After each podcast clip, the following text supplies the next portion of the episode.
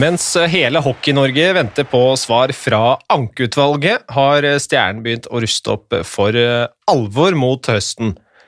Det kan også se ut som at vi får gleden av å se Mattis Olimb i Fjordkraftligaen kommende sesong. Men hvem tror våre eksperter at han helst vil signere for? Og hvordan, hvordan er hverdagen som England-proff? Det er litt av det du skal få svar på i eh, denne episoden av Hockeyprat. Hyggelig å ha deg med. og Jesper, det er veldig hyggelig å ha med. Det er hyggelig hva skal man si, at frua ligger hjemme og kniper igjen for at du skal være med og spille inn podkast. ja, litt på, litt på, overtid på termin der, men uh, hyggelig å kunne, kunne, være med i podkast for det. Ja, det er bra. Bjørn, du er også sterk og klar? Jeg er sterk og klar, venter ikke på at noen skal føde. Nei. Det er jo Det er vel kanskje Nå, nå har du vel så, så, vidt vært ute av døra på et halvt år, ja, eller? Det er, det er jo sånn er det for de fleste. Det skjer jo ikke stort, så da er det veldig hyggelig å kunne dra i land med podkast i, i ny og ne. Det blir livsfarlig når du får uh, lov til å fly rundt sånn som du vil i sommer, med andre ord, hvis de, hvis de fortsetter å åpne opp her, Bjørn? Nei, bare glem det. Ja. Det blir ikke åpning her før vi får håpe vi får publikum på tribunene i september, tror jeg. Det er, eh, ja, ja, det er en helt annen diskusjon. Ja, Der ser jeg også at vi har fått besøk av eh, gjesten til eh, dagens episode. Adrian Saksrud Danielsen, live fra England. Hyggelig å ha deg med. Jo, takk for det. Akkurat ferdig med, med trening her, så så skal vi ut og nyte sola nå snart. Ja, deilig. Åssen, er livet om dagen? Det, er, er, det mange engelskmenn som har tatt fri fra jobben? Ja, jeg vet ikke helt åssen det er. Etter brexit ser i hvert fall ut som folk ja, er ikke så nøye med å, å være på jobben. De er på diverse uteserveringer rundt omkring i byen, så det er vel en, en pint der de har lengta lenge etter. Så jeg skjønner jo det, for så vidt. De er ute, ute, og feirer at Boris har åpna krana? Ja, Boris han har åpna krana nå, så det har vært litt sånn 17. mai-stemning her uh, hele uka, faktisk. Så folk ute klokka ni på morgenen og tar seg en morgenspils og sånn, så det, det, er jo trivelig, da, selvfølgelig, å, å se at folk koser seg. Det er kanskje ikke, du har kanskje ikke vært på puben sjøl klokka ni om morgenen, men, men strålende vær og, og utepils, det er jo tida for det?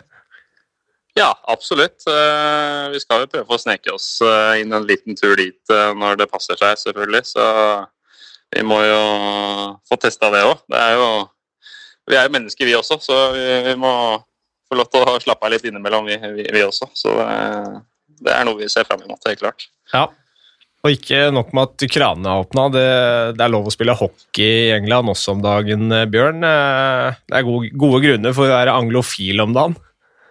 Ja, det er helt sikkert. Da har vi ikke bare Premier League osv., men også engelsk uh, hockey. og Det er jo gøy at det er såpass mange norske spillere som uh, tok turen eh, over når myndighetene og norsk hockey her til lands fant ut at dette kan ikke vi drive med noe mer gjør. Så um, det er jo morsomt det at man kan følge, følge engelsk hockey. Jeg hadde jo ikke trodd at jeg skulle bli litt sånn som Færøy i fotball, blir ikke det? Når det ikke var noe annet som gikk. Så nå går jo for så vidt all mulig annen hockey. Det er jo bare vi her på Bjerget som har valgt å ikke, ikke spille hockey. Men uh, uansett kjempegøy at det er uh, ikke bare nordmenn, men nordmenn, uh, mange nordmenn med i England, men at de også bemerker seg positivt, ikke minst. Føler du at du er på sånn færøysk eventyr, Adrian, eller er det et lite knepp opp fra det, kanskje? Ja, det var ikke det Kanskje. Min, altså, det. Nei, det er nok et lite lite knepp opp, absolutt. Men uh, det er jo en uh, spesiell situasjon de er i. Da. Så en, en, sånn mulighet var jo, var jo veldig kul når den dukka opp. Så det er jo også kjempebra at uh, de, de, gutta som er her og dem leverer varene og, og viser at norsk hockey det, det, det, holder et høyt nivå. Ja, Det virker som at ganske mange av de som har kommet, altså som enten har norsk pass eller har kommet fra Fjordkraftligaen, har fått ganske ledende roller i sine lag? Absolutt. Og mye istid og, og, mye tillit både i overtall og undertall. Og noen har vel fått noe hat på brystet der, har jeg sett, så det, det, er absolutt kjempebra. Du har fått uh, lirka en første scoring òg? Ja, det var, var, deilig, det. Han uh, hvem var det som sa det? Joakim Jensen, eh, som spilte med mange år i Storhamar, han sa at det alltid var ledig i krysset. Så da keeperen juksa der, så var det bare å legge han, eh, legge han høyt over skuldra. Ja, og, og for laget så har det også starta ganske bra, i hvert fall enn så lenge. Så leder dere med, med en fin margin. eh, Ti poeng på seks matcher. Det er fire mer enn Manchester Storm, som har, som har seks. De har én kamp til gode, og så er det Coventry Blaze og Nottingham Panthers. Eh, Hvordan har eh, overgangen til engelsk hockey vært, da? Det var litt eh, spesielt i starten. Litt annerledes tempo. Så timinga blir helt annerledes. Så det tok noen matcher før jeg i hvert fall kom inn i det. Det å kunne være avventende i situasjoner der jeg normalt er ganske så aggressiv, det, det var litt uvant. Men jeg føler i hvert fall nå for min egen del at det flyter ganske greit. Så også for laget sin del her, så, så har vi spilt bra. Eh, vi har eh, invitert eh, litt inn til litt eh, match her eh, noen eh, perioder, hvor vi har sluppet inn en del mye mål og unødvendige mål. Ja. Men eh, ja, sånn som vi spiller nå, så, så skal vi ha i hvert fall en, en god sjanse til slutt. Da. Så får vi jo se hvordan, hvordan det går. Ja, det, jo, altså det ser ut som det er voldsomt med skåringer i matchene.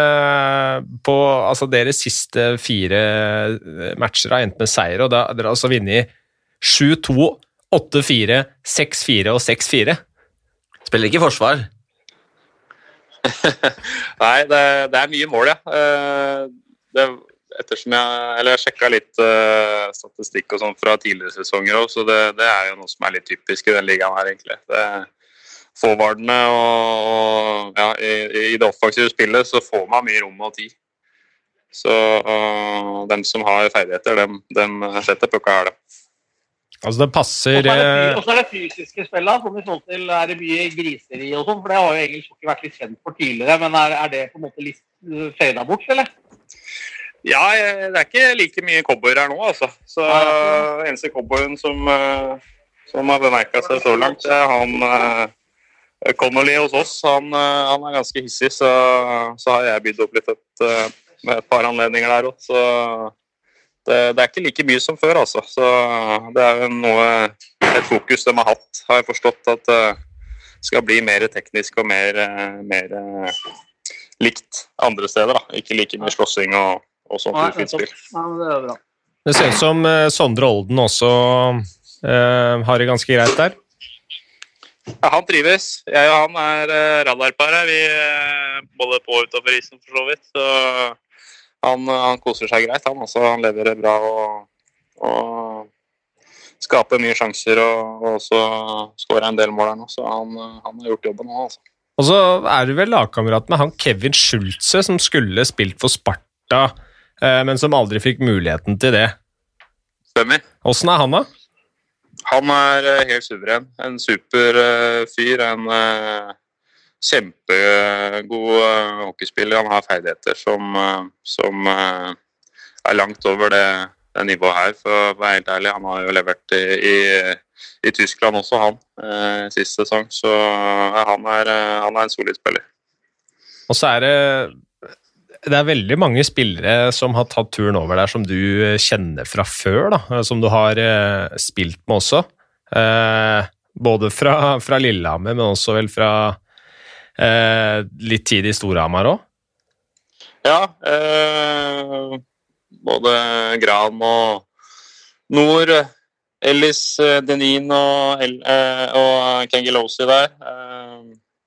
Eh, har jo vært på landslaget med Brysveen eh, tidligere og, og kjenner jo Simen André godt òg, så det er jo plutselig mye kjentfolk eh, borti her. Så det, det, det er jo trivelig, det.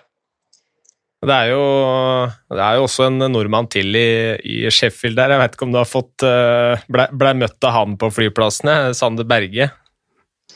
Nei, jeg har ikke møtt han ennå. Eh, Både jeg og Sondre tenkte vi skulle ta sende en eh, DM til og høre om uh, vi skulle ta en, uh, ta en uh, tur på uteserveringa her da, når, når det hadde passa seg. Så jeg vet ikke om han er skadefri eller om han er fortsatt skada. Så vi får, vi får prøve oss på en liten melding dit, så får vi se om han svarer.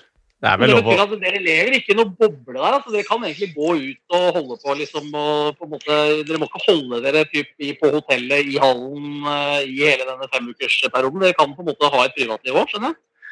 Ja, eh, til dels. Nå bor jo vi i Sheffield, da, og de andre tre lagene bor jo i Nottingham på et hotell. Eh, så på en måte så blir jo Det blir litt mer boble for dem da, enn det blir for oss. Eh, samtidig så, så har vi jo hatt eh, ti dager i, i karantene her, hvor vi bare har hatt lov til å bevege oss fra, fra hallen nå til eh, det, den leiligheta vi har. Så vi har jo vært gjennom en, en ganske så heavy karantene, da. Så, sånn sett så, så, så har vi vært i, en, vært i en boble nok, for å si det sånn. Så for å kunne prestere litt på, på banen, så er det viktig å få litt frisk luft også. Så Men åssen åssen dukka den muligheten her opp, eh, egentlig? Får ta oss med litt eh, sånn prosessen fra, fra liksom interessen begynte til, eh, til du satt på flyet. Ja, eh, han eh, Fox, da, som er trener her, han har spilt eh, Innsbruck eh, tre sesonger tidligere. Så han, jo, han er jo godt kjent med treneren som var der i år. Eh, så hadde jeg litt sånn opp- og ned-sesong med litt skader og covid og litt sånn forskjellig. Så jeg, det- ble jo litt prat på at eh, det var en gjeng som skulle til England. For de skulle sette i gang en eh, sesong eh, her, en sånn minisesong. Og så var egentlig var det ti stykker på laget som var interessert, og så bare meldte alle seg av, egentlig. Så da begynte jeg å tenke litt etter, og da tenkte jeg at dette kunne være, være noe for meg. Få, litt, få en litt lengre sesong, da.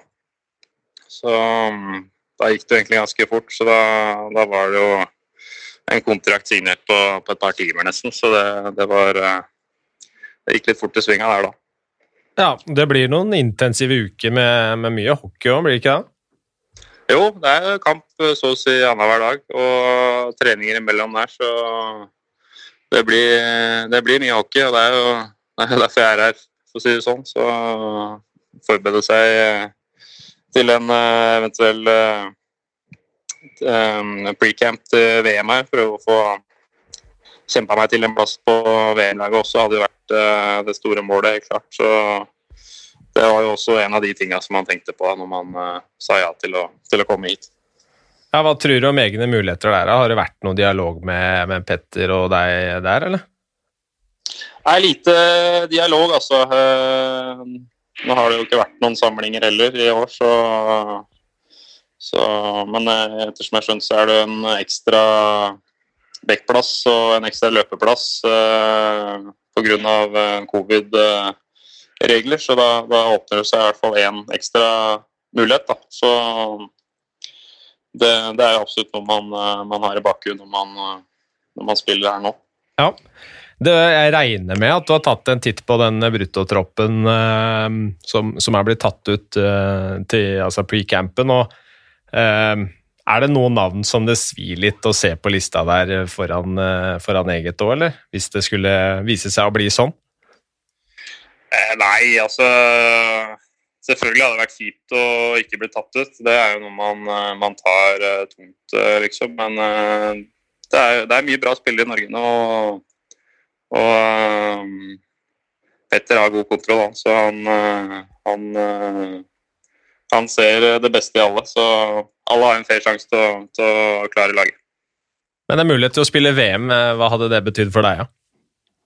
Ja, det hadde betydd eh, alt, egentlig. Eh, det er noe man har jobba mot i, i over eh, ti, nesten tolv år nå, eh, før jeg begynte å, å spille eh, A-lagshockey. Så det hadde vært eh, Det har betydd alt, rett og slett. Jeg syner den. Uh, så er det jo um, Uansett, uh, altså, det er jo bare å nyte de, de ukene du har der nå så mye som uh, mulig, og det regner jeg med at du skal prøve å gjøre også. Det å få lov til å spille hockey som eh, nordmann akkurat nå, det er, det er jo ikke eh, alle forunt, det, det, dessverre. Men det er jo litt sånn guttedrømmen til mange nordmenn du også lever eh, med profflivet i England. Nå er det nok eh, Premier League som står øverst på lista til de aller fleste, i hvert fall foran Elite League der, men, men eh, når du har vært litt utenlands, starta sesongen i Østerrike og så plutselig er det i England, det, det er jo sikkert en, en morsom reise for din del òg. Ja, absolutt. Det er, det er en kjempekul reise det her, og interessen er jo sinnssyk her borte. så de har jo en arena rett Jeg ser, står og ser rett over til arenaen her nå. Den tar 9000, og det er fullsatt hver eneste match. Så det er jo absolutt kult å, å kunne, kunne, oppleve det da, ved en seinere anledning.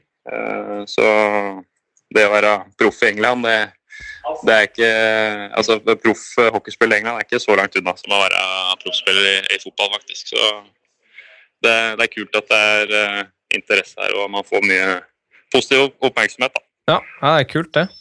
Eh, vi har jo selvfølgelig fått uh, litt spørsmål um, til deg, Adrian, fra lytterne våre også. Espen han, han lurer på hva som kommer til å skje neste sesong, og om det er aktuelt med en retur til, til Norge? Ja, altså Jeg har ikke stengt noen dører, så det er absolutt en, en, mulighet. Og jeg har jo et mål om å fortsette et år eller to ute. Eh, så er det jo litt i forhold til covid òg, hvis det skulle bli fullt kjør igjen med, med, lockdowner og alt det der, så, så frister det jo mer å ta et år, år hjemme, da. Uansett om det skulle bli en minimert sesong, sånn som det ble for de fleste i år. Da. Så det er jo kjedelig å kunne drive og fly utenlands og så ikke få noe besøk, liksom. Det, ja, det har vært litt ensomt? Ja, det blir litt ensomt der også. Nå har jeg hatt samboeren med meg, så det har jo, det har jo vært uh, veldig bra, det. Men uh, det er jo klart en av de fordelene og, og, en av de kule tingene med å være ute, det er jo å få besøk og kunne, kunne oppleve ting med, med, sine venner og familie. Da. Ja. Eh, Kenneth Sakariassen han, eh, han, følger opp eh, Espen han, og lurer på hva som er sjansen for at det blir Hamar vest til høsten. Ja, nei, altså Som sagt, det stenger jo ingen dører. Det hadde vært kult å komme hjem igjen, da. Det, det hadde vært kult å kunne være med og fighte om et NM-gull med, med moderklubben. Det, ikke, det er ikke noe tvil om det. Så lurer vi veldig gjerne på da, om stjernen har ringt. Ja, hva skal man si? Ja? Det, det er mange som, eh, som, ringer. Eh, så da kan du tolke det dit hen eh, selv. Så de har jo gått ut og sagt at de er ganske offensive på spillmarkedet i år, så det, I år også. I år også, ja. Så det, blir spennende hva de får til der nede. Og jeg håper at at dem og flere andre lag eh, får det til nå gjennom og sommeren og står rusta inn mot neste sesong. Så det blir en uh, slagkraftig Fjordkraftligaen vi, vi, møter til, til høsten. Ja, uh, Veit du om de kanskje har vært på disse lagkameratene dine fra Innsbruck òg, eller? Det var vel Christoffer og Champini, var det ikke det? Jo, stemmer. Eh, de gjorde jobben eh, brukbart, dem også, i, i, Østerrike der. Så eh, hvis de ikke har ringt dit, så skjønner jeg ingenting. Men jeg kan nok tippe det dit hen at de har også fått tilbud fra, fra større ligaer og, og, større klubber òg. Så det får bli opp til dem hva de, hva de vurderer. Men det, ja, det er absolutt to spillere. Ja. For din egen del, ser du for deg å kunne fortsette i Østerrike, eller er det noen andre land som, som virker mer eh, aktuelle og interessante, sånn som ting er nå? Nei, altså det er jo mange kule ligaer i Europa, så Østerrike er jo helt klart uh, der oppe. Uh, Tyskland er jo også en, et mål, om det da så blir uh, del eller del to. Det, det, får man jo eventuelt se hva som dukker opp av tilbud, men så har jo Danmark og allsvenskene, og det er alle, alle kule ligaer. Så det er, det er, mye muligheter sånn sett. Og målet Eller du, du, tenker vel først og fremst kanskje på spille deg til en VM-plass. Det vil jo det vil jo gjøre kanskje flere, flere ting aktuelt. Ja, absolutt. Det å spille et VM, det, det, det åpner mange dører, altså. Så det hadde vært uh, helt supert for, for, for, min del, det. altså. Ja, men Det er bare å ønske deg lykke til eh, videre, Adrian. Takk for at du var med igjen. Eh, vi får jo bare vente i spenning og se om kapteinen til nødlandslaget blir uh, tatt opp med de, de store gutta. Det, det syns vi hadde vært meget fortjent, Jesper. Ja, vi så jo det at Ståle Solbakken hadde jo med spillere i sin tropp fra nødlandslaget, så vi tenker jo at, nød, at det nødlandslaget vi tok ut, må jo også få noen representanter i, i VM-troppen. Det har vært helt rått, det. Jeg får bare kjøre på, så får du hilse um, Sondre og alle de andre norske gutta når du, um, når du snakker med dem og si at vi, vi, følger med. Det skal jeg gjøre. Og så hvis Super. du får med Sander Berge ut på en pint, da, da må du legge ut bilde. Det skal jeg love. Nydelig, det. Suverent. Takk for praten, Adrian. Takk skal du ha. Ha det godt. Hei. Ha det. Jeg skjønner jo at en eh, VM-plass uh, henger høyt. Det er jo et ekstremt stort springbrett for, for, veldig mange og åpner opp eh, helt andre muligheter eh, for en spiller, eh, Jesper? Ja, det er klart det. at Hvis du får vært med, kommer deg med i, i landslagstroppen Du får VM du får, En ting er at du får muligheten til å vise deg fram, og så er det jo også sånn at når du får det på CV-en, at du har vært med der, og, og sånn så hjelper jo også det som en litt sånn derre hva skal jeg si, sånn, et lite innsteg da, til å, å komme seg til andre andre ligaer og, og, og, få andre muligheter. Og det er jo noe de aller fleste norske hockeyspillere håper på skal skje på et eller annet tidspunkt. At du får, får et tilbud fra, fra, en liga som høres spennende ut. Og det er jo litt den der guttedrømmen å få lov til å dra ut uh, et eller annet sted, om det er i Europa eller Nord-Amerika, og på en måte få lov til å være proff. Og, og leve litt det profflivet, da. Det er, uh, så jeg, jeg, skjønner godt at uh, Adrian gjerne vil være med til VM. Ja, det er jo kanskje det største eksempelet på akkurat det, er jo eh, Lars Haugen, som vi har snakka en del om denne sesongen her av eh, litt andre grunner, men det var jo det VM-et i, i, Stockholm, eh, var det ikke Var det der det var? I Stockholm, var det ikke? Da ble jeg jævla usikker, men uh, uansett, da, VM-et når vi slo Sverige, var det uh, at, vi, uh, at han ble aktuell for større oppgaver enn å både åpne døra på Lørenskog og stå eh, mellom stenga for MS. Ja, han kom jo da, ikke sant? som du sier, da, han var først, eh, skulle være keeper på, i Lørenskog, og, og, og, så ble det litt uh, eh, henta inn en ny, ny en der. Nå husker jeg ikke hvem det var i farta, men det var vel en, en amerikaner. og så og gikk jo da til MS og delte jo litt spilletida der med en meget ung Steffen Søberg endte jo opp med å komme seg med i, i den uh, pre-campen og ble tatt ut, til, tatt ut, til, VM, og Grotnes ble skada der dagen før, uh, før, matchen mot Sverige og ender opp med å slå Sverige på straffer. Så, og så rett til, rett i profflivet. Det er klart. Så skal jeg bare nevne det for alle som irriterte seg over at jeg sa VM i Stockholm, så var det selvfølgelig VM i Slovakia, og den matchen ble vel spilt i Bratislava, mener jeg det var. Så, så har vi det, uh, enkelt og greit. Men uh, vi, har, uh, vi har jo en del på agendaen i dag òg. jeg tenker kanskje at vi skal hoppe fra England til Fredrikstad, Bjørn. Der har det skjedd mye siden sist. Ja, da, på den tida her av året, i hvert fall de siste par sesongene, så skjer det fryktelig mye der. Og så også i år. Ehm, det skal bli spennende å se hva de ender opp med til slutt. og Spørsmålet er om de, eventuelt bytter ut alle utlendingene fra i fjor. For dere de har signert eh, så langt, er jo to nordmenn og én utlending. Og da kanskje mest oppsiktsvekkende at uh, Cangelosi drar uh, til Fredrikstad på en treårskontrakt. Uh, Cangelosi, som i min bok er en av de aller aller beste spillerne i, i norsk hockey. Jeg har veldig sansen for Cangelosi, og det er en kanonsignering for Stjernen. Og da når han signerer i tre år, så så viser det at Stjernen da kanskje begynner å satse på litt kontinuitet, i og med at de stort sett eh, veldig ofte da har bytta utlendinger eh, hver sesong, i hvert fall veldig mange av dem. Ja, jeg tenker jo Det også er jo på en måte både, det viser jo at man har, har lyst til å tenke litt langsiktig her og, og legge sant, Man satser inn mot Arena Fredrikstad og, og, og får løfta stjernen hockey opp i toppen av norsk hockey. Og, og som du sier, altså, Cancellosi er en av de desidert beste spillere i Fjordkraftligaen. Og, og, det å få med han over tre år jeg tror det, det kan vise seg å være bra, bra trekk fra stjernen. Ja, Det er jo eh, nettopp det at uh, altså den treårskontrakten det er jo ganske spesielt. Det er ikke mange klubber som første gang de henter en import, eh, uh, klarer å få det til tre år. Og så er det jo selvfølgelig ikke noe særlig risk å signere han, for man veit at han kommer til å levere varene enkelt og greit. men det er sikkert lagt litt penger på bordet. Det var nok ikke så billig.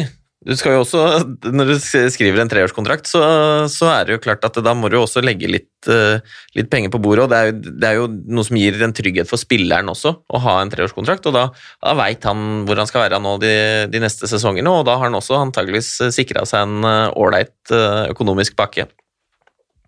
Men det er jo, Bjørn, de har jo signert flere spillere. altså Benjamin Byrkjeland fra, fra Narvik, som vi har snakket varmt om. Eh, i lang tid og lurt på hvor han kommer til å ende. Viste seg at det ble altså eh, Fredrikstad følger fotsporene til Niska Kangas, med andre ord. Eh, de har jo også henta um, unge Andersen Storhamar Bekken og Filip Gunnarsson, siste spiller de nå har presentert. Hva, hva sier disse signeringene her om det Stjernen prøver å bygge, Bjørn? Nei, Det er klart eh, det er to forholdsvis unge gutter da, i, i eh, Andersen fra, fra Storhamar. Eh, litt overraskende signering det også. Ikke fra Stjernenes side, men at Storhamar ikke eh, kaller gjorde mer. Nå aner ikke jeg hva forhandlingene har gått ut på, om det har vært for store skrik i forhold til krav til lønn og sånne type ting. Men, men det var en overraskende overgang. Når det gjelder Gunnarsson, så var kanskje ikke den like overraskende da han signerte en, en, stund tidligere at han eh, ønska et eh, miljøskifte. og Det er jo en type spiller som har lang erfaring og, og er en ordentlig kriger. Du vet veldig godt hva du får. Og en type spiller som jeg tror Stjernen kommer til å få veldig veldig god bruk for. Ja, så blir det spennende å se om, om han får en litt annen, altså sånn, litt annen type rolle også i det stjernelaget enn han har hatt i Vålinga. Det er klart at det, man blir jo Nå har han vært ni sesonger i Vålinga, og, og, har jo på en måte blitt satt litt i, i en bås at dette er den type spiller du er. Uh, og har jo da, som han skrev selv, altså, nesten spilt hvert eneste bytt sammen med Jonas Oppøyen. Og, og, de to har jo gjort en veldig veldig viktig jobb for, eh, for Vålerenga. Så det blir spennende å se om han på en måte blir på en måte satt rett inn i den båsen i Stjernen nå, eller om han er tiltenkt en, eh, en litt mer offensiv rolle, f.eks. Ja, Du kjenner jo han godt og har vært lagkamerat med han også, Jesper. Hadde han klart å ta en, en større rolle? Jeg tror jo, altså, litt som han, sier, litt som han sa sjøl, at han føler at de siste to åra har vært litt Ikke kommet opp helt på det nivået man ønsker å være. Og hvis man ser liksom de hva skal jeg, er vel da fjerde-femte året hans i, i Vålerenga som var best, og han på en måte oppoverproduserer noen og 20 poeng. Og det å, og det å spille Eh, i en litt mer offensiv rolle. Han har jo absolutt den der, de kvaliteter som kan være, brukes offensivt også. Og, og, å, og hvis han blir dytta inn i en litt offensiv rolle, så ser jeg ikke noen grunn til at han ikke kan produsere mer enn det han har gjort eh, de siste åra. Og så gjenstår det å se hva som er eh, planen til Stjernens nye trener, da. Ja, eh, jo, Du nevnte jo det at han, han sa han har spilt nesten hvert eneste bytt eh, siden han kom til Vålerenga, sammen med Jonas Oppøyen, eh, som også er eh, ledig på markedet. En av mange Vålerenga-spillere, så Oslo-klubben har en ganske stor jobb der foran seg. Hvor stor er sjansen for at Stjernen klarer å lokke Oppøyen vekk fra Vålerenga? Det vil derimot vært veldig overraskende, syns jeg, hvis Jonas Oppøyen forsvant også til Stjernen. Der, Jonas har vel både ett og to barn eh, sammen med sin fru her i, i, i Oslo, og, at, eh, og han er jo Vålerenga-gutt, selv, selv, om man, måte, hvis man går helt tilbake, så, så har, han jo, har, han jo, sine røtter fra, fra Bærum, men, men, har jo spilt i Vålerenga siden han var 11-12 år, så at han ikke nå endelig Eller når forhåpentligvis da, nye Jordal skal fylles med, med publikum, og man på en måte endelig kommer dit, at ikke han skal være en del av det, det ville overraske meg stort. Jeg forsto det sånn at Gunnarsson også skulle ikke flytte ned dit. Det virka iallfall ikke sånn han sa vi har kjøpt ny leilighet i Oslo og Eller flytta inn, sa han ikke det? Han flytta inn en ny leilighet i Oslo. Jeg mente jeg leste det et eller annet sted. Så det virka jo som om han faktisk skulle pendle. Ja, det, det, har jeg ikke, det har jeg ikke, jeg har ikke prata med ham om det, så det skal, ikke, det skal ikke svare for. Men det kan godt hende. Han, jeg så at det, det, du refererte til der, om at han har kjøpt, øh, kjøpt seg leilighet, og det, stemmer jo også. Men om han, om han skal øh, ha en leilighet i Fredrikstad, det veit jeg ikke. Fint utleiemarked i Oslo, vet du. Absolutt.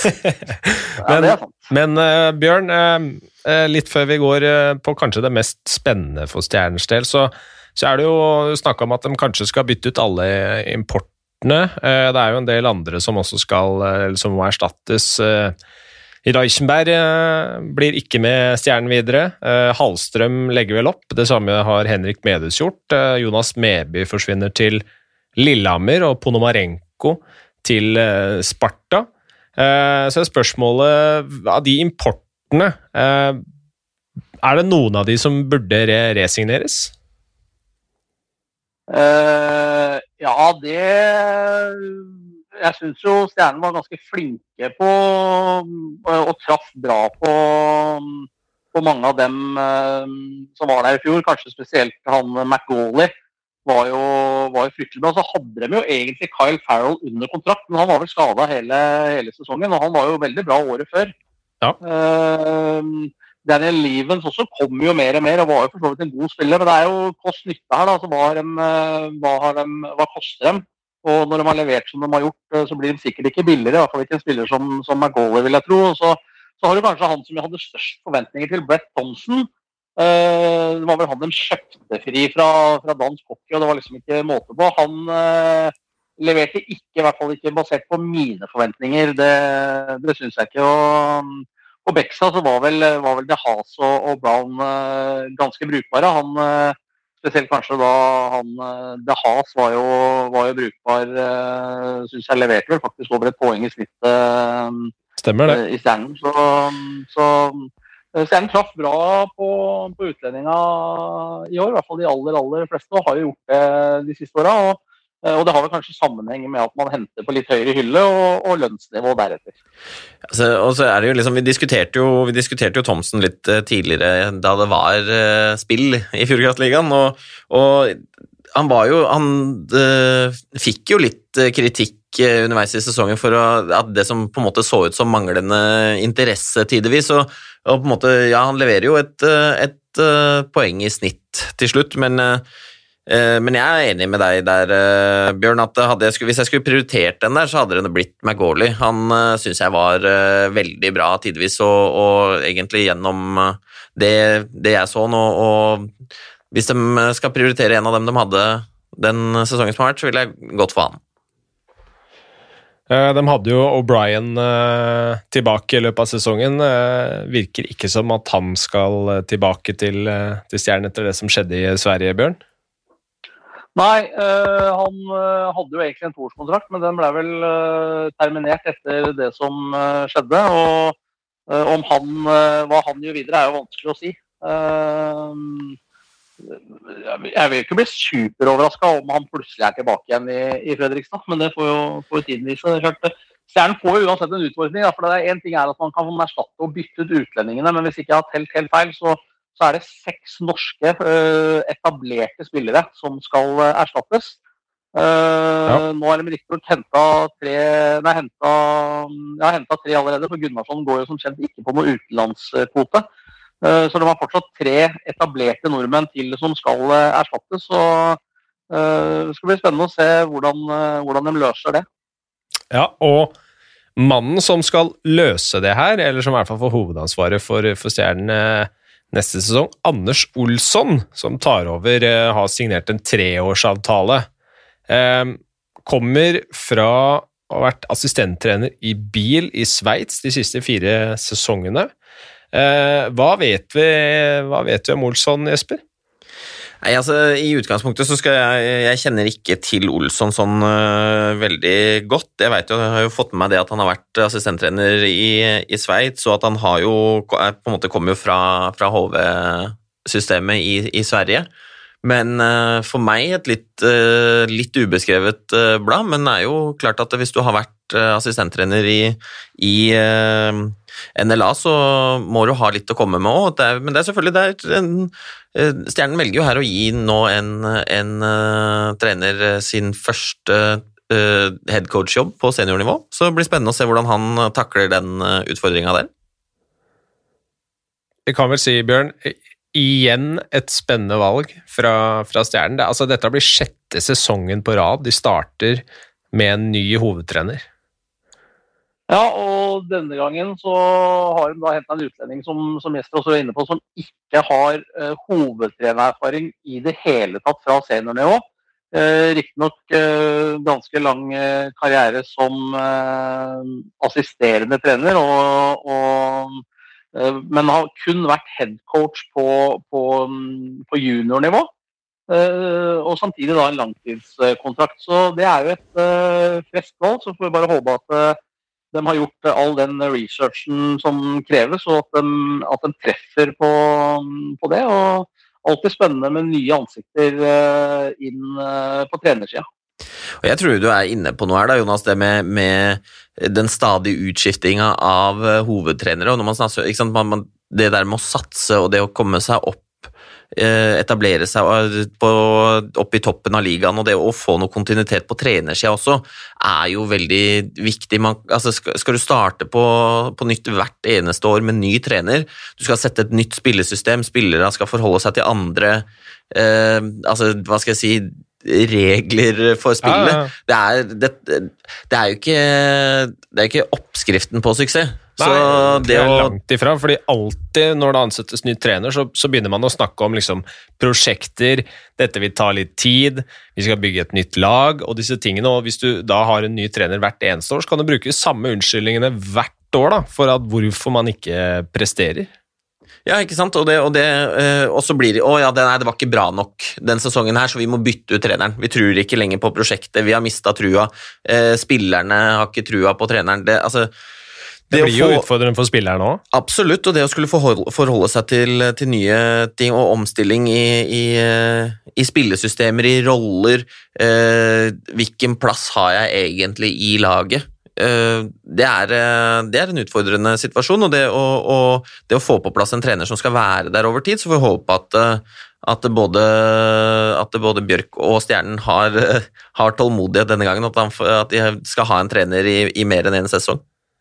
Men akkurat I det tilfellet her så er det rette tidspunktet å gjøre det på. Da. Hvis, de, hvis de bytter ut uh, samtlige utlendinger og de, bytte, og de har mista seks etablerte nordmenn, Uh, og det kanskje er en til som forsvinner, hva vet jeg, så, så, dreier det seg plutselig om to tredjedeler av troppen som er skifta ut. og Da er det ikke så farlig om det kommer en ny trener med nye tanker. For det er ingen av dem, de, de to tredjedeler av laget har ikke vært der og hatt de gamle tankene og osv. fra før allikevel. Så Derfor så tror jeg det er eh, viktig for Stjernen som klubb at, uh, at uh, han lykkes ganske brukbart fra start. At det ikke blir for mye spørsmål igjen, og at man, at man er tålmodig med tror jeg er en forutsetning. Ja, ligge under, ligge under 3-0 mot Sparta fem minutter ut i sesongen igjen nå, som de har en liten vane for å gjøre, det, det hadde vært tungt.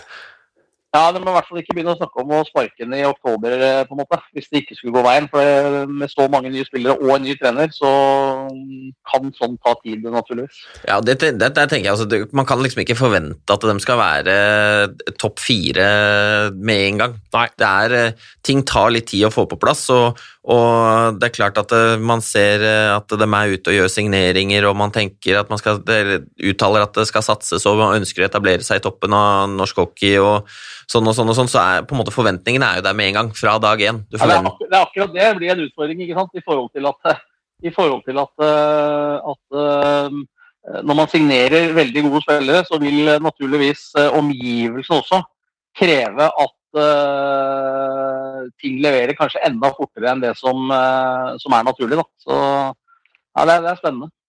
Ja, og, det, det er jo, og så er det litt sånn der, om glasset er halvfullt eller halvtomt her. fordi det er jo ingen tvil om at det, det, det, er grunn til å være optimistiske hvis du er fra Fredrikstad er, og er glad i hockey.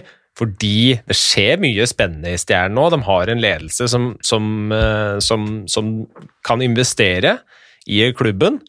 De har hatt kontinuitet på, i sportssjefrollen med Darren Trelloir, som virker å ha gode kontakter og kan få inn gode importer. Nøkkelen for Olsson blir jo kanskje nettopp dette med den norske stammen, det å klare å, å få opp eh, egne også fra, fra stjernens rekker. Absolutt, og, og, og, det tenker jeg når du ser på de, de lagene som har vært topplag over tid i norsk hockey, så har de en god uh, stamme med, med, norske spillere, og gjerne også noen av importspillerne, som har vært der over tid, og man får satt, uh, man får satt et uh, Hva skal jeg kalle det for? Altså sånn et um, uh, hva skal jeg si, En kultur i gruppa, da. For Ja. hvordan, hvordan skal vi ha det, og hvordan er det her? Eh, om det er i Stjernen eller Vålerenga eller Frisk eller hvor det måtte være. Men det å ha den kontinuiteten, og at de som kommer inn, må på en måte rette seg til gruppa. Eh, For det som kan skje litt når du på en måte hele tiden bytter ut folk, er jo at du får mange som eh, mailer sin egen kake og er egentlig mest interessert i å gjøre en bra sesong for å komme seg videre til et annet sted. Og, og skal man bygge et, bygge et topplag, så må man ha en, en solid stamme som er der i mer enn ett år. Så har de selvfølgelig Arena Fredrikstad å jobbe mot, uh, Bjørn. Ja da, og, og det er klart at det er viktig å, å, å bygge seg opp, ikke minst administrasjonsmessig. At ikke alt uh, blir øst ut på den sportslige satsinga, men at man uh, også samtidig har to tanker i hodet på en gang. Naturligvis viktig å ha en viss posisjon når man skal inn i en ny ishall, sånn at man er i, i utfordrerposisjon i forhold til det sportslige. Det fenger naturligvis litt mer eh, overfor eh, publikum i en hall som plutselig tar mye mye mer folk enn det man er, er vant til. Eh, Så det også er en, eh, en eh, ting å følge litt med på i, i Stjernen. Hvordan de, hvordan de bygger strukturen rundt klubben, samtidig som de ja, øser ut kroner på, på laget. skal jeg ikke ha sagt. De har forhåpentligvis god kontroll på, på de pengene de bruker på, på det sportslige. Men det er liten tvil om at det er vel så viktig når man eh, nå eh, går mot ny hall. Nå husker jeg ikke om den skulle stå ferdig i 24 eller 25, eller hva det var for noe, så de har jo en eh, viss tid på seg. Men den delen av det blir vel så viktig. Og da må man på en måte avveie eh, den sportslige satsinga opp mot eh, det også, også ha en administrasjon som er sterk nok, stor nok og bygd til å, å leve i under helt andre omgivelser enn i Stjernehallen. Jeg har jo Jeg mener at eh, Jeg har lest i Fredrikstad Blad at eh, Ørjan Løvdahl er eh, ganske i rute med sponsorarbeidet, at eh, de, de har gode utsikter der også. Det er jo for så vidt en ting som også gjelder grunn for optimisme, at folk kan, kan være positive rundt det som skjer i Stjernen. Så, så blir det jo spennende å, spennende å følge og se om vi eh, om de er noen steg videre når vi sitter her og snakker eh, neste år, eh, eller om uh, vi skal ta samme praten uh, om igjen med utskiftninger i, av både trenere og spillere. Så um, hopper vi litt til uh, Ja, det er litt sånn silly season nå. Det er ikke bare Stjernen som holder på, men kanskje aller først er det jo mest spennende eh, og, å diskutere litt eh, rundt hva, hva som kommer til å skje med Mattis Olimb. Absolutt. Det er jo en eh, fantastisk god spiller, og det hadde vært veldig moro å se han tilbake i Fjordkraftligaen. Får vi jo se om det skjer, da, men han har jo uttalt at det er etter hvert så skal han jo hjem. Ja, Bjørn, hva tror du? Eh, jeg tror at han Jeg blir litt overraska hvis han kommer hjem allerede. Uh, allerede hermet. Han har vært fryktelig lenge ute, da. Men, uh, men, uh, men jeg ser liksom for meg at han har Han er bare 35. Eh, han har bra fysikk. Jeg ser for meg at han at han kanskje blir ute i enda en sesong eller to til. Jeg tror jeg er eh, jeg tror jeg er 50-50 på om han, eller kanskje 60-40 på at han blir i utlandet enda én, to eller, eller tre sesonger eh, til, hvis han skulle få de rette, rette tilbudene. Ja, jeg, tror, jeg tror det er litt av det som kan være, som kan være avgjørende, da, at det at man får de rette tilbudene. fordi det er jo, som en del, av, som en del andre, så har jo han også eh, noen som skal være med på, på turen, og da er det viktig at det er til, til rett sted til, til rett tid for hele familien. Så, og at man får det til å funke. Ja, og så tenker jeg at det er mange som hører på her som heller vil, eh, vil at vi skal leke litt med tanken på at den kanskje kommer hjem igjen. Eh, Og da er det vel sånn sett to alternativer det virker som å være for eh, Olimp Esper. Ja, det er klart det. Han er jo Det blir jo enten Vålerenga eller Frisk som er de to mest aktuelle kandidatene. Eh, ville overraske stort om det ikke ble en av dem, i hvert fall. Bjørn, hva tror du? Nei, Det er vel det han utvalgte sjøl òg. Han har jo kjøpt uh, hus ikke så altfor langt fra nye Askerhallen. Uh, men han har jo fortida si i, i Vålerenga. Så, så, det blir jo veldig veldig spennende. og Der tror jeg det også er litt sånn litt 50-50. Han har jo ofte uttalt at Eller han, han, han, er opptatt av hva han skal gjøre etter at han skal spille ishockey også. Så det er klart at det kan jo fort bli et kappløp da mellom de to nevnte klubbene i forhold til hvem det er som eventuelt kan Eh, kan komme opp med et, et, opplegg som tilfaller eh, familien Olim når eh, de en gang flytter hjem. Om det blir denne sommeren eller om det blir om noen sesonger til. Så, og der har jo for så vidt Frisk historie og tradisjon for å være ganske, ganske dyktige. Så de kommer helt sikkert til å, å prøve. Og, og, det er klart at Vålerenga også ønsker å, å få Mattis inn på, på Ny Jordal Eh, og igjen om det blir nå eller på et, eh, et senere tidspunkt. Så eh, jeg tror det er en vanskelig avgjørelse for Mattis å ta også. Det er selvfølgelig litt mer kronglete med trafikken ut og inn til Oslo enn at han nesten kan sykle til, til Askeland, i hvert fall så lenge været tillater det.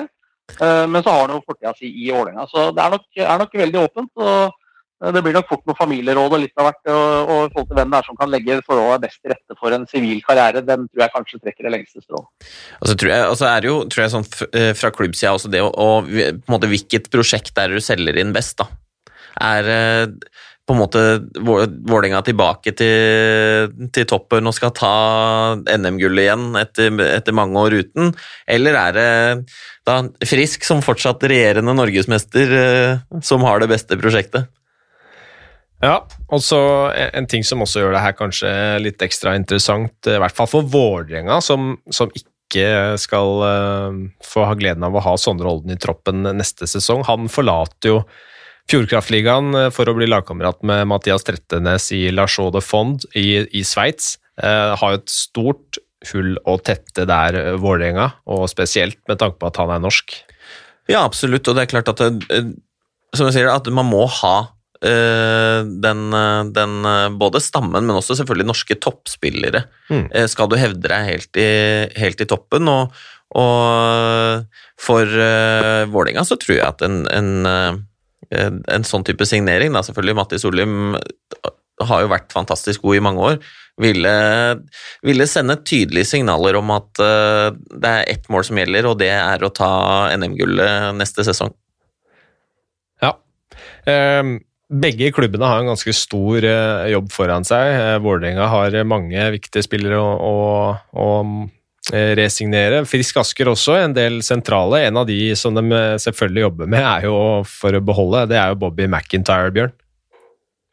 Ja, det er ikke så rart at de har et ønske om å beholde han. Jeg tror det kan bli litt tøft. Nå ble jo sesongen såpass amputert, men han leverte jo veldig veldig bra. Spesielt uh, i en periode i høst så var han uh, fantastisk uh, god. En artist. bra tempo på skøyter og, og, alt. Så det er, ikke, det, er ikke, rart at Fisk har et ønske om å beholde han. Og skulle han bli i norsk hockey, så, så blir han nok også i, i Frisk. Men sannsynligheten for at det er klubber i, i større ligaer med større pengesekker enn norske klubber som har fått øya opp for han i løpet av høsten, selv om det ikke ble spilt mer Fjordkrafthockey enn til eh, begynnelsen av januar. Eh, så tror jeg det blir vanskelig for, eh, for, for Frisk å beholde McIntyre. Så de er nok allerede godt i gang med å sondere markedet for en eventuell erstatter hvis det ikke skulle løse seg med, med McIntyre. Så har det skjedd litt på Hamar også. Robin Haglund Mathisen, det er en, eh, en, interessant signering, Jesper?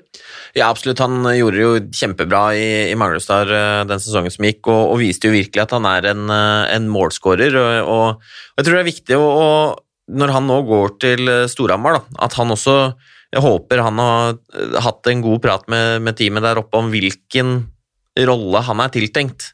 At han nå kommer inn og skal være med og være en produserende spiller og, og får de mulighetene og, og, og, blir satt opp sånn at man kan, kan, lykkes i den rollen, og ikke på en måte eh, bare bli, bli, en av mengden. Og det, er, det tror jeg kan være en, en, en, nøkkelfaktor for at han skal ha suksess på Hamar. Det virker jo som at, uh, at det er mange unge som, som syns det virker spennende å kunne få spille under Anders Jøse, Jøse Bjørn?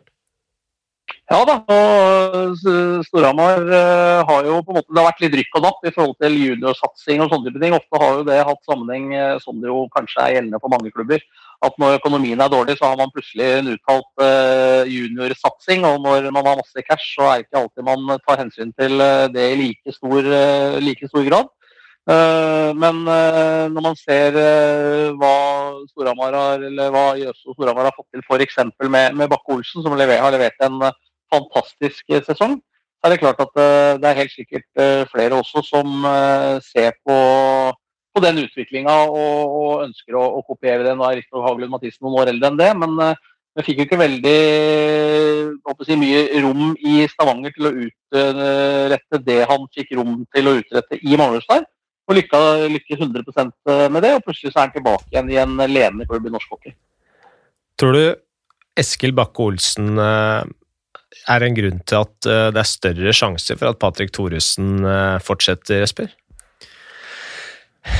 Tja, altså både, både, ja og nei. Jeg tror Patrick har jo den driven som han har, og har nok veldig lyst til å, ta, å få til et eh, NM-gull med, med Storhamar. Men det er klart at det å, det å kunne være med og få fram uh, et talent som det Bakke-Olsen er, og, og, på en måte ha han litt uh, under vingen og, og på en måte sende han ut i verden, det tror jeg også Patrick syns er veldig moro.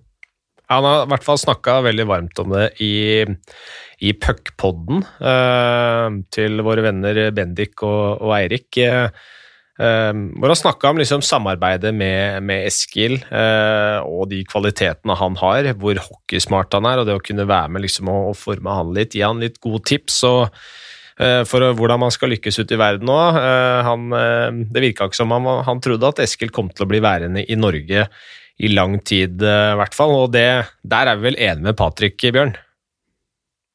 Ja, jeg tror heller ikke det, men han er jo født i 2002, så han er jo forholdsvis Han er, han er veldig ung ennå. Han har hatt én sesong på seniornivå. Så at han har godt av å lære seg enda litt mer, enten sammen med, med Patrick eller med, med andre gode omgivelser på Hamar, det tror jeg er veldig sunt for å, å stikke av gårde og tro at man kanskje skal få en ledende rolle i en utenlandsklubb som 17-18-åring nå.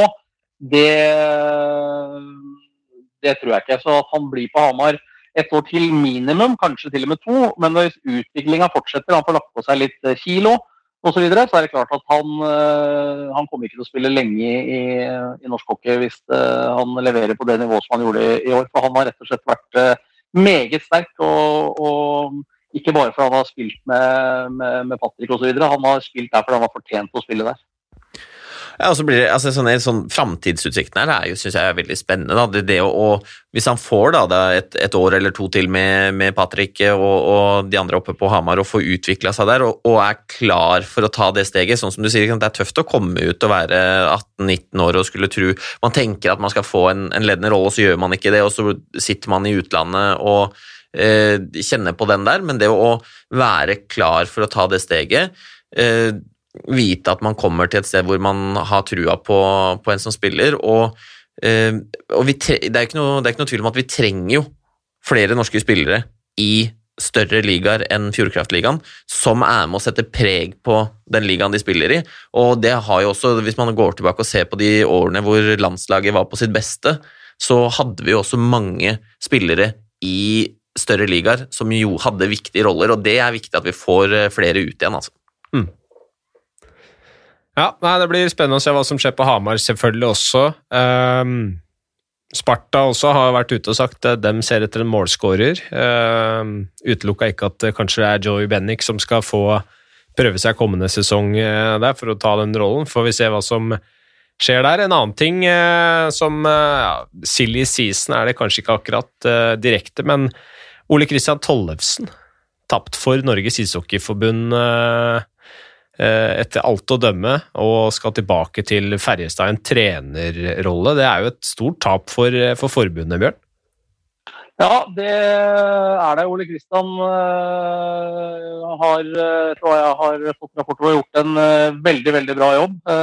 Liten tvil om at med den erfaringa og bagasjen han har gjennom et langt liv både i NHL og i Sverige bl.a., så er det liten tvil om at man gjerne skulle ha hatt han eh, videre. Men eh, jeg skjønner samtidig at han, når han fikk muligheten da, til å jobbe på, på hockeygymnaset til Ferjestad og jobbe med de yngste juniorspillerne der, at han takka ja, til, takka ja til det. Han har helt sikkert trenerambisjoner som overgår det også. Og da er det lurt å starte på den reisen i det miljøet som du kjenner godt fra før etter, etter, mange år som spiller der. Og en høy stjerne i, i, klubben og blant supporterne og i omgivelsene rundt uh, Løvbergs Lilla. Så um, jeg bare ønsker uh, all mulig lykke til til en fantastisk fin type. Og så får vi håpe at Norges ishockeyforbund får erstatta han med en som kan ta over stafettpinnen. Og så er det jo, det er jo veldig spennende da, det med å få ut få ut eh, flere norske som kan bli trenere i, i utenlandske ligaer også. Hvis, eh, nå er jo dette på juniornivå i første omgang, men at det er sånn som man ser, ser Dan Remi Tangnes f.eks., den suksessen han har nå, det er jo, det er jo også veldig moro. Ja, ja og, og, Ole Kristian skal jo faktisk jobbe med, med, to norske talenter som jo allerede er på hockeygymnaset i Færrestad, nemlig Martin Johnsen, sønnen til, til Pål, og Tobias Bjerke Larsen, tidligere Vålerenga-bekken. Begge 04-gutter som jo går på, går på hockeygymnaset der hvor Ole Kristian nå tiltrer som, som trener. Ja, altså, hvis uh, Tollefsen blir noe i nærheten av en type trener som spiller, da er vi jo inne på nivå med Viktor Tikhonov og sånn, er vi ikke det? Men, men, jeg ser kanskje ikke for meg at han helt tar den rollen, Jesper? Nei, det det tror jeg ikke. Jeg tror, jeg tror, han, er, jeg eh, tror han, uh, har en litt, uh, litt, annen, litt annen, tilnærming som, som trener enn en han kanskje framsto som spiller. Men jeg, som, som, Bjørn nevnte her, og den, på en måte, den erfaringa og den bagasjen og den, den, reisen han har vært med på, da, og, og klare å formidle mye av det til de, de, gutta han skal ha ansvaret for, det håper og tror at det blir en, en bra kombo. Ehm, neste sesong så ser det ut til at det blir litt endringer i regelbøkene også. Det er i hvert fall 19.no meldt som har eh, snakket med dommersjef Geir Thomas Olsen. Hva er det dette innebærer, Bjørn? Nei, det Å snakke med Geir Thomas Olsen, det har jeg gjort også. Uh, og uh, for å si det sånn, uh, At svenskene gikk ut såpass tydelig som de gjorde i går med at nå blir det NHL-regler i Sverige, er litt interessant. for det dette er en regelbok som i utgangspunktet egentlig ikke er skrevet ordentlig ennå. Og som vi vet med hockeyen, så er det alltid en regelbok, og så er det en eh, underregelbok, og så er det noen regelbøker under der igjen, og så er det noen tilpasninger under der igjen. Så man kan jo forstå innimellom at uh, altså en såkalt casebok, der man går gjennom uh, forskjellige situasjoner og hvordan de skal bedømmes. og Det å være hockeydommer er ikke, er ikke lett, men forhåpentligvis så gjør det nå at dette kan bli lettere både for spillere og for uh, trenere og for dommere, i og med at man skal i større grad uh, tilpasse re regelboka til å gjelde over hele hockeyverdenen. For nå har det vært ett sett med regler på en del bedømmelser i f.eks. CHL, som ikke er like sånn som vi har det hjemme i Fjordkraftligaen. Det er klart det er det vanskelig å forholde seg til uh, for spesielt spillerne, men også for dommere som jo dømmer ute. Men jeg forsto på Geir Thomas at de aller fleste som hadde ringt han i går, når den nyheten kom, det var med spørsmål blir det lov å slåss i Norge nå? og det, det, er ikke så overraskende at det var det folk fokuserte på, for det var vel det den svenske artikkelen også omhandla i stor grad. Og svaret på det er nei. Eh, NHL har heller ikke noe ønske om å, å, å tillate slåssing i samme som en så stor del av det, som eh, det var tilfellet på 80- og 90-tallet og, og, tidligere. Eh, man ønsker at det skal bort, men, men, det blir en annen bedømming eh, på det. Og dommerne vil få anledning til å gå og sjekke i sekretariatet før man eventuelt gir en match. Men alle de presiseringene osv. der, de er langt fra, fra klare ennå. Så jeg tror vi skal smøre oss litt med tålmodighet for å se hvordan det blir. Og Det som er helt sikkert, er at uh, dette med coaches challenge, at du kan utfordre f.eks. Eh, goal interference osv., kommer vi kommer vi ikke til å se i, i Norge, rett og slett av, av, tekniske årsaker. For vi har ikke uh, på norske matcher nok kameraer og vinkler uh, og ressurser til å gjennomføre det. I hvert fall ikke sånn som det er per i dag. Så um, det blir en, en, en ny regelbok, men, men uh, ny i hermetegn. Men den er uh, langt fra skrevet ferdig, og så får vi se når vi, når vi nærmer oss hvordan dette blir til slutt. Men at, uh, men at det kan være slåsskamper i Norge, eller fighter i Norge, som ikke resulterer i at spillerne må gå i garderoben, Det er nok riktig. Så er spørsmålet hvor i all verden Jesper, skal en grense gå for hvis du kan dømme en, en slåsskamp ulikt? Du har en fair fight, eh, hansken er kasta, man står og hamrer løs på hverandre. Hva, hva skal skille en fem minutter og en matchstraff? Nei, altså, det, det blir jo litt eh, Det kommer litt an på hvilket standpunkt man skal ta her, da. Men sånn, hvis man skal prøve å, å se litt sånn der, det som dommerne vanligvis bedømmer situasjoner ut fra, så er det jo gjerne sant, hvor, hvor, hvor voldsomt er det, hvor mange altså, Antall slag er det, er det eh, Hvor fair er det? Altså, er det noen, noen som kommer inn som tredjemann? Altså, alle disse tingene her som man, som man vurderer, men uh, nei, altså, I utgangspunktet, så er det sånn som spiller, så har jeg egentlig aldri opplevd at uh, når det har vært fair fight på, på isen, at det har vært så voldsomt uh, voldsomt farlig eller uh, den type ting som man ofte har brukt som argumentasjon mot det. Men tenker, altså, det kommer nok fort til å ende med, ende med matchstraff med slåssing i Norge uansett. Ja, det får vi jo bare se på, det. Det er jo ja, Det er ikke så sikkert, Jesper, basert på det. For det kommer an på hva den, den underregelboka eller caseboka, eller hvordan disse tingene skal bedømmes. Så Hvis det er sånn at dommerne vil kunne gå inn i sekretariatet for å for å avgjøre det før man sender spillerne i garderoben, så, så, er det klart at da er de også nødt til å forholde seg til det regelverket som blir satt opp i forhold til når skal det være resten av matchen eller eh, osv., og, og når skal det ikke være det. Så, så, det blir veldig interessant å se hva, hva eh, regelboka og caseboka sier om når det skal være og når det ikke skal være. For når den er satt, den, så må jo på en måte norske dommere også forholde seg til det. Det Absolutt, og det, det, blir veldig spennende. Og så håper jeg jo eh, litt sånn med hva skal jeg si, med, sånn fra fotballen og VAR ferskt i minnet her, så håper jeg ikke det blir sånn at dommere skal gå inn i sekretariatet og se på eventuelle slåsskamper også før de avgjør det. Jeg tenker at Vi har hatt, uh, vi har jo hatt noen, noen, situasjoner med mål hvor dommere har blitt stående lenge i sekretariatet. og uh, Selv om jeg er for videodømming, så er de, de lange pausene uh, håper ja. jeg vi unngår. Altså. Ja, Der er jeg 100% enig, faktisk. fordi det... det er jeg enig i, men vi, vi, slipper jo forhåpentligvis uansett uh, armhule-offside og den biten der. da. Men, men allikevel så Uh, I NHL så er det ofte litt sånn der, altså, og, og, litt sånn jeg leste den svenske artikkelen også, i forhold til dette når, når, det er helt tydelig at det er to som er like interessert i å på en måte slåss, og de gjør opp seg imellom, så blir det ofte bare fem minutter. Ja, det tenker jeg NHL-definisjonen. er greit. Ikke sant? Ja, jeg hadde tenkt som, som, som, spiller så hadde jeg også tenkt at det var en, en fair eh, regel.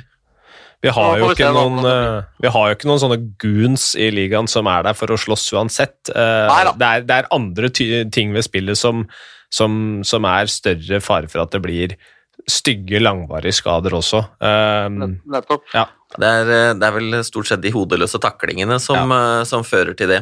Ja. Eh, vi hopper videre til ankesaken til eh, Narvik. Vi venter jo på behandlingen der og, og svaret fra ankeutvalget. Eh, Ishockeyforbundet de sendte sitt tilsvar eh, fredagen som var. Eh, eh, og det er heller ikke sikkert at saken er ferdig dersom Narvik ikke får medhold av ankeutvalget, fordi da vurderer de i så fall å prøve saken for det sivile rettsapparatet. Da snakker vi en ganske annerledes eh, tidshorisont der. Vi snakker eh, eh, store kostnader, og vi snakker også ganske dramatiske konsekvenser for neste sesong. fordi hva i all verden skal de andre klubbene gjøre da, mens de venter på svar om Narvik skal være med, eller hvor mange lag det skal være, og disse tingene her? Hva, hva, hva skjer da? Nei, Det blir jo en veldig vanskelig situasjon. For hvis nå de ikke får medhold, så skulle ikke den avgjørelsen komme typ sånn i slutten av april. eller noe der omkring, Og hvis de da skal ta det sivilt, så, da, så er det jo sommerferie i det landet her i gjerne åtte uker. Og så skal den da eventuelt skal en sånn sivil sak komme opp til høsten, så er jo det helt eh, Det praktisk lar seg jo ikke gjøre, naturligvis. Så jeg skulle, skulle, Narvik ikke få medhold i anken sin nå, så håper jeg det for dem, for dem skyld og for norsk hockey sin skyld at de legger den ballen død. For hvis de fortsetter etter å ha fått eh, avslag på, anken, så er de på en måte ikke norsk hockeys uh, anunge lenger, altså, for å være helt ærlig.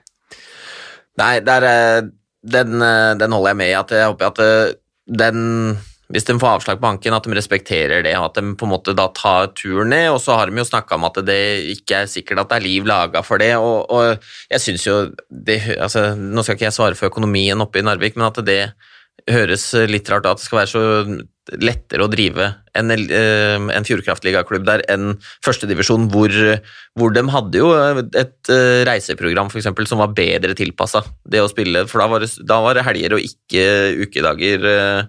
Eh, og Nei, er, jeg håper jo at den, den avgjørelsen som kommer nå, den ene eller den andre veien, at den blir, blir, respektert sånn sett, så ikke dette trekker ut noe mer, at vi får en endelig avgjørelse. Og så blir det jo interessant å se hva som blir utfallet hvis de får medhold i anken.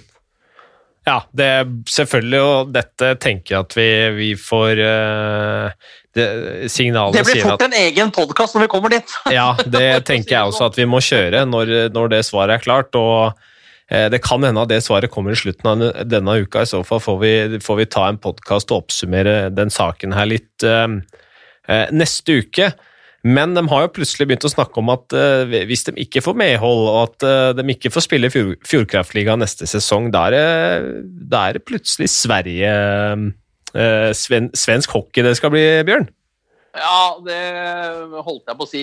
Det må de gjerne få lov til å, å gjøre. Og, og det, så vidt jeg så, så får de i hvert fall noen helt sinnssyke reiser. Uh, hvis en skal spille på, på, nivå tre, eller hva det er for noe som de eventuelt kan gjøre på der oppe, eller om det er uh, Ja, så, så, tror jeg ikke reisekostnadene blir noe mindre for dem i forhold til det. Og jeg vil neppe tro at det er uh, verken TV-avtaler eller noen ting heller på, på nivå tre. Og så er spørsmålet hvor mange norske unge spillere som tar turen for å spille for Narvik eventuelt, hvis de spiller på nivå tre i Sverige med, med, med, med det det medfører. Og, uh, det var vel uh, ingen i svensk hockey som ville kommentere heller uh, Narviks uttalelse. For meg så høres det nesten ut som en litt sånn herre Nei, da får vi ikke lov å være med og leke, så da gidder ikke vi å være med dere heller. Litt sånn høyt henger dem og sure er dem.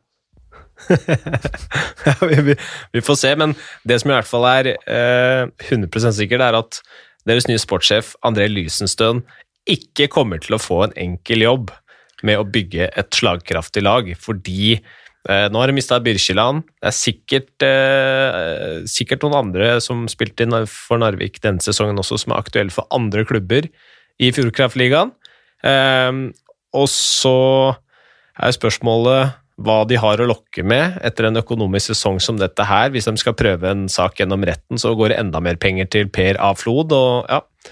ja, og ikke minst, altså, jo lengre dette trekker ut, jo vanskeligere er det å forberede seg til uh, den sesongen som kommer òg. Og det er klart at en, en, uh, en, avgjørelse her nå, hvis de hadde fått den i slutten av uka, og, og uansett om det ble for eller imot, da, så i hvert fall så har man noe å jobbe ut ifra, og ville jo sånn sett gjort uh, jobben til André Lysenstøden enklere.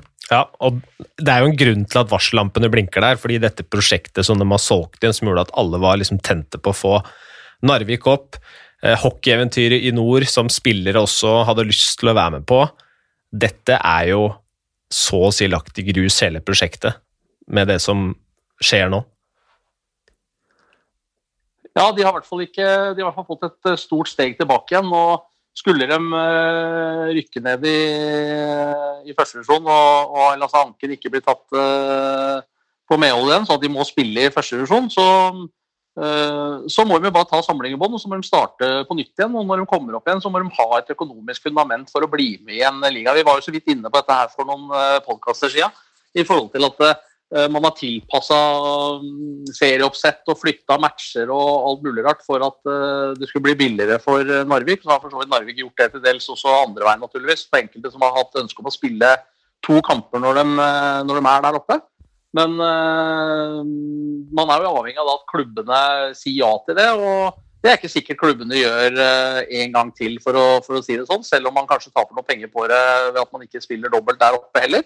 Men da er jo plutselig forutsetningene helt annerledes for Narvik. Hvis man må ned hit og spille torsdag og søndag og spille klokka fem på en søndag for å ikke få flydd hjem etterpå osv. Hvis, hvis da klubbene ikke ønsker å tilpasse seg det på samme måte som man har vært, eh, hatt ønske og vilje til å gjøre denne gangen. Så nei, jeg eh, går det ned i første divisjon, så får de eh, starte på nytt igjen og skaffe seg et økonomisk fundament og være klare for å rykke opp i Fjordkraftligaen på, på vanlig måte. Og da med et økonomisk fundament som gjør at man kan være med på kall det på like vilkår. At vi ikke må drive og tilpasse sånn at noen lag har 30 kamper på tabellen og noen har 20. Det er Altså- litt synd. Absolutt. Og så tror jeg det med å ta turen ned nå trenger ikke nødvendigvis være så altså på en måte at eh, man må, må hva skal jeg si, starte helt på scratch og være lenge i førstedivisjon av den grunn. Hvis man ser da sånn Hvis det blir sånn at eh, Narvik blir flytta ned, og du har da eh, på en måte de eh, da antatt nederste lagene i Fjordkraftligaen, altså Gryner, Ringerike Vi så jo Manglerudstad, eller 19 var ute, var ute og skrev her at, eh, at Manglerudstad skulle eh, kutte budsjettet sitt eh, betraktelig. Og, og det betyr at det, det er jo tre, tre lag der med en del, god del lavere budsjett enn resten av klubbene, som det også vil være mulig å kjempe om det opprykket med i en, i en kvalserie om et år, tenker jeg. Du nevner jo MS her. Eh, kanskje vi skal hoppe videre, Jesper, til profilen vår? Ja. Jo, vi, prøver jo, vi prøver jo å dra gjennom litt uh, forskjellige klubber, og, og det, det var jo MS som sto litt for, eh, for turen uh, i dag. Og da var det jo naturlig å, å ta han som uh, både står, med, står som har flest poeng for klubben og flest matcher for klubben, og til og med hadde eget banner hengende i, i hallen en periode. Så Martin Hansen er jo eh, en spiller som er eh, ordentlig, ordentlig klubblegende i, i Manglerstad, selv om han ikke er en av dem som henger i, henger i taket i Manglerhallen. Nei, men Green Army ville ha Hansen på Lansen. Rett og slett. Jeg husker jo det at han hadde jo, hadde jo en, eh, et par sesonger der som var, hvor han var, eh, var veldig, leverte veldig bra, og ikke, da toppa seg jo den eh, 09-10-sesongen, mener jeg at det var eh, med han spilte med, med Dave Bonk og Justin eh, Bostrøm. Som, han gikk jo seinere til Lillehammer, men det var jo da hadde han jo eh, hadde han vel 53 poeng, og, og Green Army hadde banner med Hansen på Lansen eh, oppi, oppi kroken sin i Morrowhallen og mente at det, det var ikke Burde ikke være snakk om at han ikke skulle få være med på, på landslaget da. Har du noen bra historier om Hansen, da? Altså, sånn, hvis man går litt tilbake, da, sånn, eh, han er jo Kanskje liksom, Han dro jo fra Manglerudstad til Sarpsborg, og var jo litt den eh, som kanskje åpna litt døra for den, eh, den gata der. Jo, vi hadde jo med oss eh, Martin Røymark for noen podkaster siden. Eh, Lars Haugen dro jo eh, ned til Sarpsborg etter Martin Hansen, og Niklas Rost har vi jo hatt med i podkasten her. Og, Ja. og det er jo litt sånn så, så Hansen var jo eh, rett og slett litt, eh, litt pappaen til de gutta når de kom ned der, da, tok litt ordentlig vare på dem. Og, og, og som eh, Martin fortalte jo også i, i eh, Det var jo riktignok etter podkasten, når vi snakka litt med han eh, med Røymark der, og, og da når han ble lært opp av Martin Hansen til å, at hvis du, hvis du piska kremfløte, så blei det krem. Det, det, det, var, det var sjokkerende for, for Røymark. Han kjørte heimkunnskap med de nye MS-gutta. Ja, så det var liksom Når gutta fikk, fikk flytta ut hjemmefra flytta ned til Sarpsborg, så var det rett og slett sånn at, at Hansen eh, kjørte, kjørte litt eh, opplæring på hvordan man skulle klare seg som, eh, som voksen. Så, nei, så han er jo rett og slett en, en spiller som også egentlig da fra, gikk fra å være i, i Sarpsborg ha litt den derre type klassiske litt sånn tredjesenter, eh, spille mye undertallrollen, til å, å få den offensive rollen eh, som vi snakka litt i stad om dette med Filip Gunnarsson også, da. Sånn, eh, og når man får bli plassert i en rekke med litt andre typer spillere, og du får en annen type rolle, så plutselig så kan du levere eh, veldig gode tall. Da. Og han, jeg husker jo, jeg spilte jo mot den det året han gjorde så, såpass mye poeng, og han mente jo det at det var, var nesten bare å sette skøytene på isen, så ble det poeng.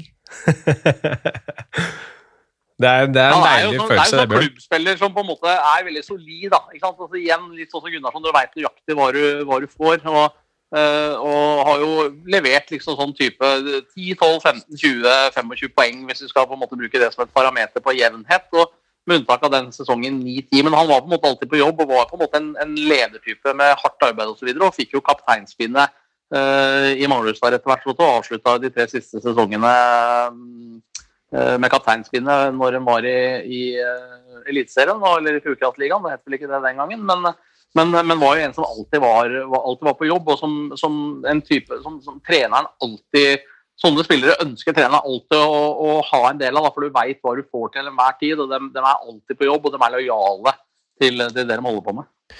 Ja, absolutt. Også, også er, han er jo en, har jo vært en type som har vært veldig sånn der, uh, samlende for, uh, for uh, hockeymiljøet rundt seg. og Han litt sånn der, jeg, han, er, han, er, han er jo faktisk da gift med, med søstera til Lars Haugen. og er jo da også har jo, har jo da barn som holder på i, i junioravdelinga til, til eh, Manglerudstad og er med der som, som, trener. Så får vi se, da. Kanskje han er en av dem som er uh, kandidat for uh, å bli med på rundt A-laget på Manglerud etter hvert. Alltid en sønn av en gammel spiller som er på vei oppover i MS. Det, sånn er det, og det tror jeg det, det ja, Da må jeg få lov å si at det er ikke bare MS. Altså, nei, nei, nei. Det er over hele Hockey-Norge. Så er det, er det, sånn. Hadde det ikke vært for den reproduksjonen, så vet jeg ikke hvilket, hvor vi hadde vært den i dag. nei, det er et godt poeng. Det får bli siste ord i den podkasten her, så skal vi vente i spenning på svaret til eh, ankeutvalget og se hva som blir i Narviks eh, skjebne, og kanskje også det blir en eh, sivil rettssak ja, over sommeren, kanskje. Vi får se. Um, Sumo-abonnementet det går til Espen, som lurte på framtida til Saksrud Danielsen. Um, det var, eh, ja, Vi fikk jo flere spørsmål eh, til den podkasten her, men uh, har ikke nevnt så mange flere. Men da blir det Espen som vinner denne gangen. Gratulerer med det. Eh, takk til alle som har hørt på, og takk til alle som har sendt inn spørsmål. Vi er tilbake så fort vi vet hva som blir svaret fra ankeutvalget. Så høres vi da.